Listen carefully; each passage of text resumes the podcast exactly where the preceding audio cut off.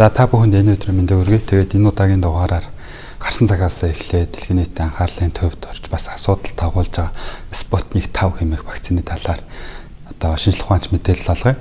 Тэгэхээр Спутник 5 вакциныг 8 сарын 11-нд Орос улбаны ерөнхийлөгч Владимир Путин маань одоо дэлхийн нийтэд хэвлэлийн баг хурлын үеэр Оросын холбооны улс коронавирусын эсрэг вакциныг анх удаа гаргаа авлаа хэмээн одоо дэлхийн нийтэд мэдээлсэн.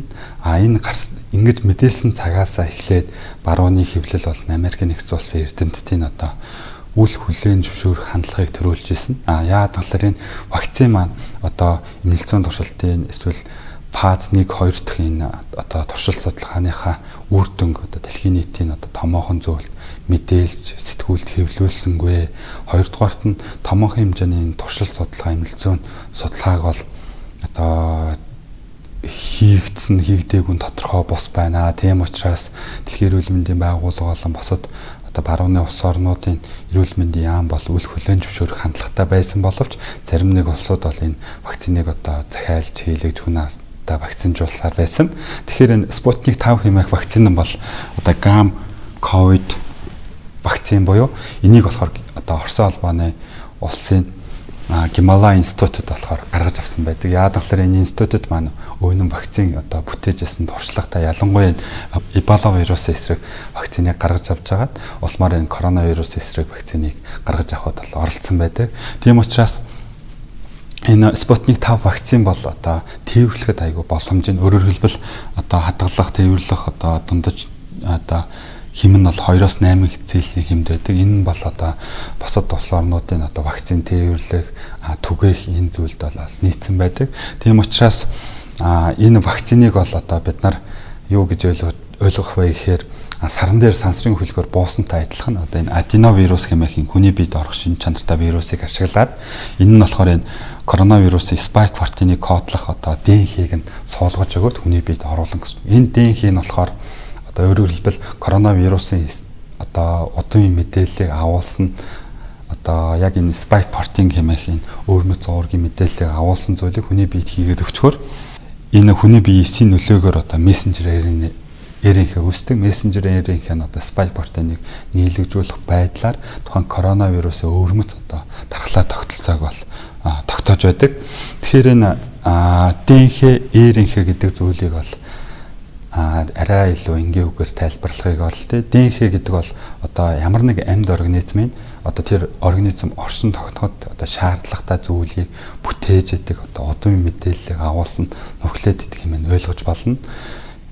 А энэ одоо удын мэдээллийг агуулсан нөхлөд идэх нь одоо яг уур юм бүтэц олон үйл ажиллагааны одоо гүйцэтгэх тэр яг тухайн организмын хэв шинжээг агуулсан тэр уургийг болохоор кодлоод Тэгээд завсартын мэдээлэл eerийнхээ үсээд улмаар тэр уург нь бол одоо хүний эзнээс юм уу амьд организмд бол нийлэгч байдаг гэсэн. Тэгэхээр энэ коронавирус одоо яг одоо нэгээс нүгт халдварлах хүний эзнээс дотор орж хагаад үржих тэр шин чанарыг нь болохоор мэдээлэл eerийнхээ агуулдаг. Энэ болохоор коронавирус маань өөрөө eerийнхээ агуулсан вирус. Гэхдээ Sputnik 5 вакцины хувьд болохоор энэ eerийнхээ агуулах биш. Өмнө нь одоо ярьсанчлан Pfizer BioNTech чинь вакцин бол мэдээллийн эрийнхийг агуулсан байдаг бол Sputnik 5 вакцин бол аденовирусын векторыг ашиглаад ДНХ агуулсан вакцин байдаг. Саяхан 7 хоног өмнө болохоор дэлхийн нэр хүнд бүхий одоо Lancet хэмээх томоохон алтартаа сэтгүүлтээр болохоор клиник одоо фаз 3 дахь тэрэлээ болохоор энэ Sputnik 5 вакцины эрдэмтэд бол хэвлэн нийтлүүлсэн байдаг. Өөрөөр хэлбэл энэ вакцины одоо яаж бүтээд бүтээж авсан дархлаа яаж тогтоодог вакцины үр ашиг нь хэдэн үе гэдгийг шинжлэх ухаанчаар харуулсан тэр зүйлийг болохоор энэ сэтгүүлтээр дэлгэрэнгүй тайлбарлаж одоо энэ сэтгүүл хэвлэгдсэний дараа болохоор зарим нэг улс орнууд эрүүл мэндийн яам бол Спутник 5 вакциныг одоо бүртгэж аваад одоо хүн амтай хийлгэх бэлтгэлийг бол хангаж эхлээд байдаг.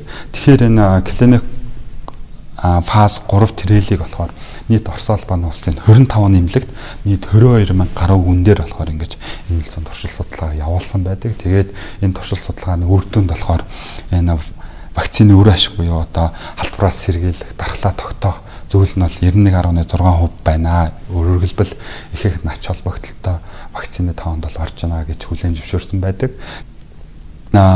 Спутник 5 вакциныг болохоор ингэж улс орнууд одоо хийлгэж эхлэх нь төв хэмэл болох нь одоо ажиглагдаж байна.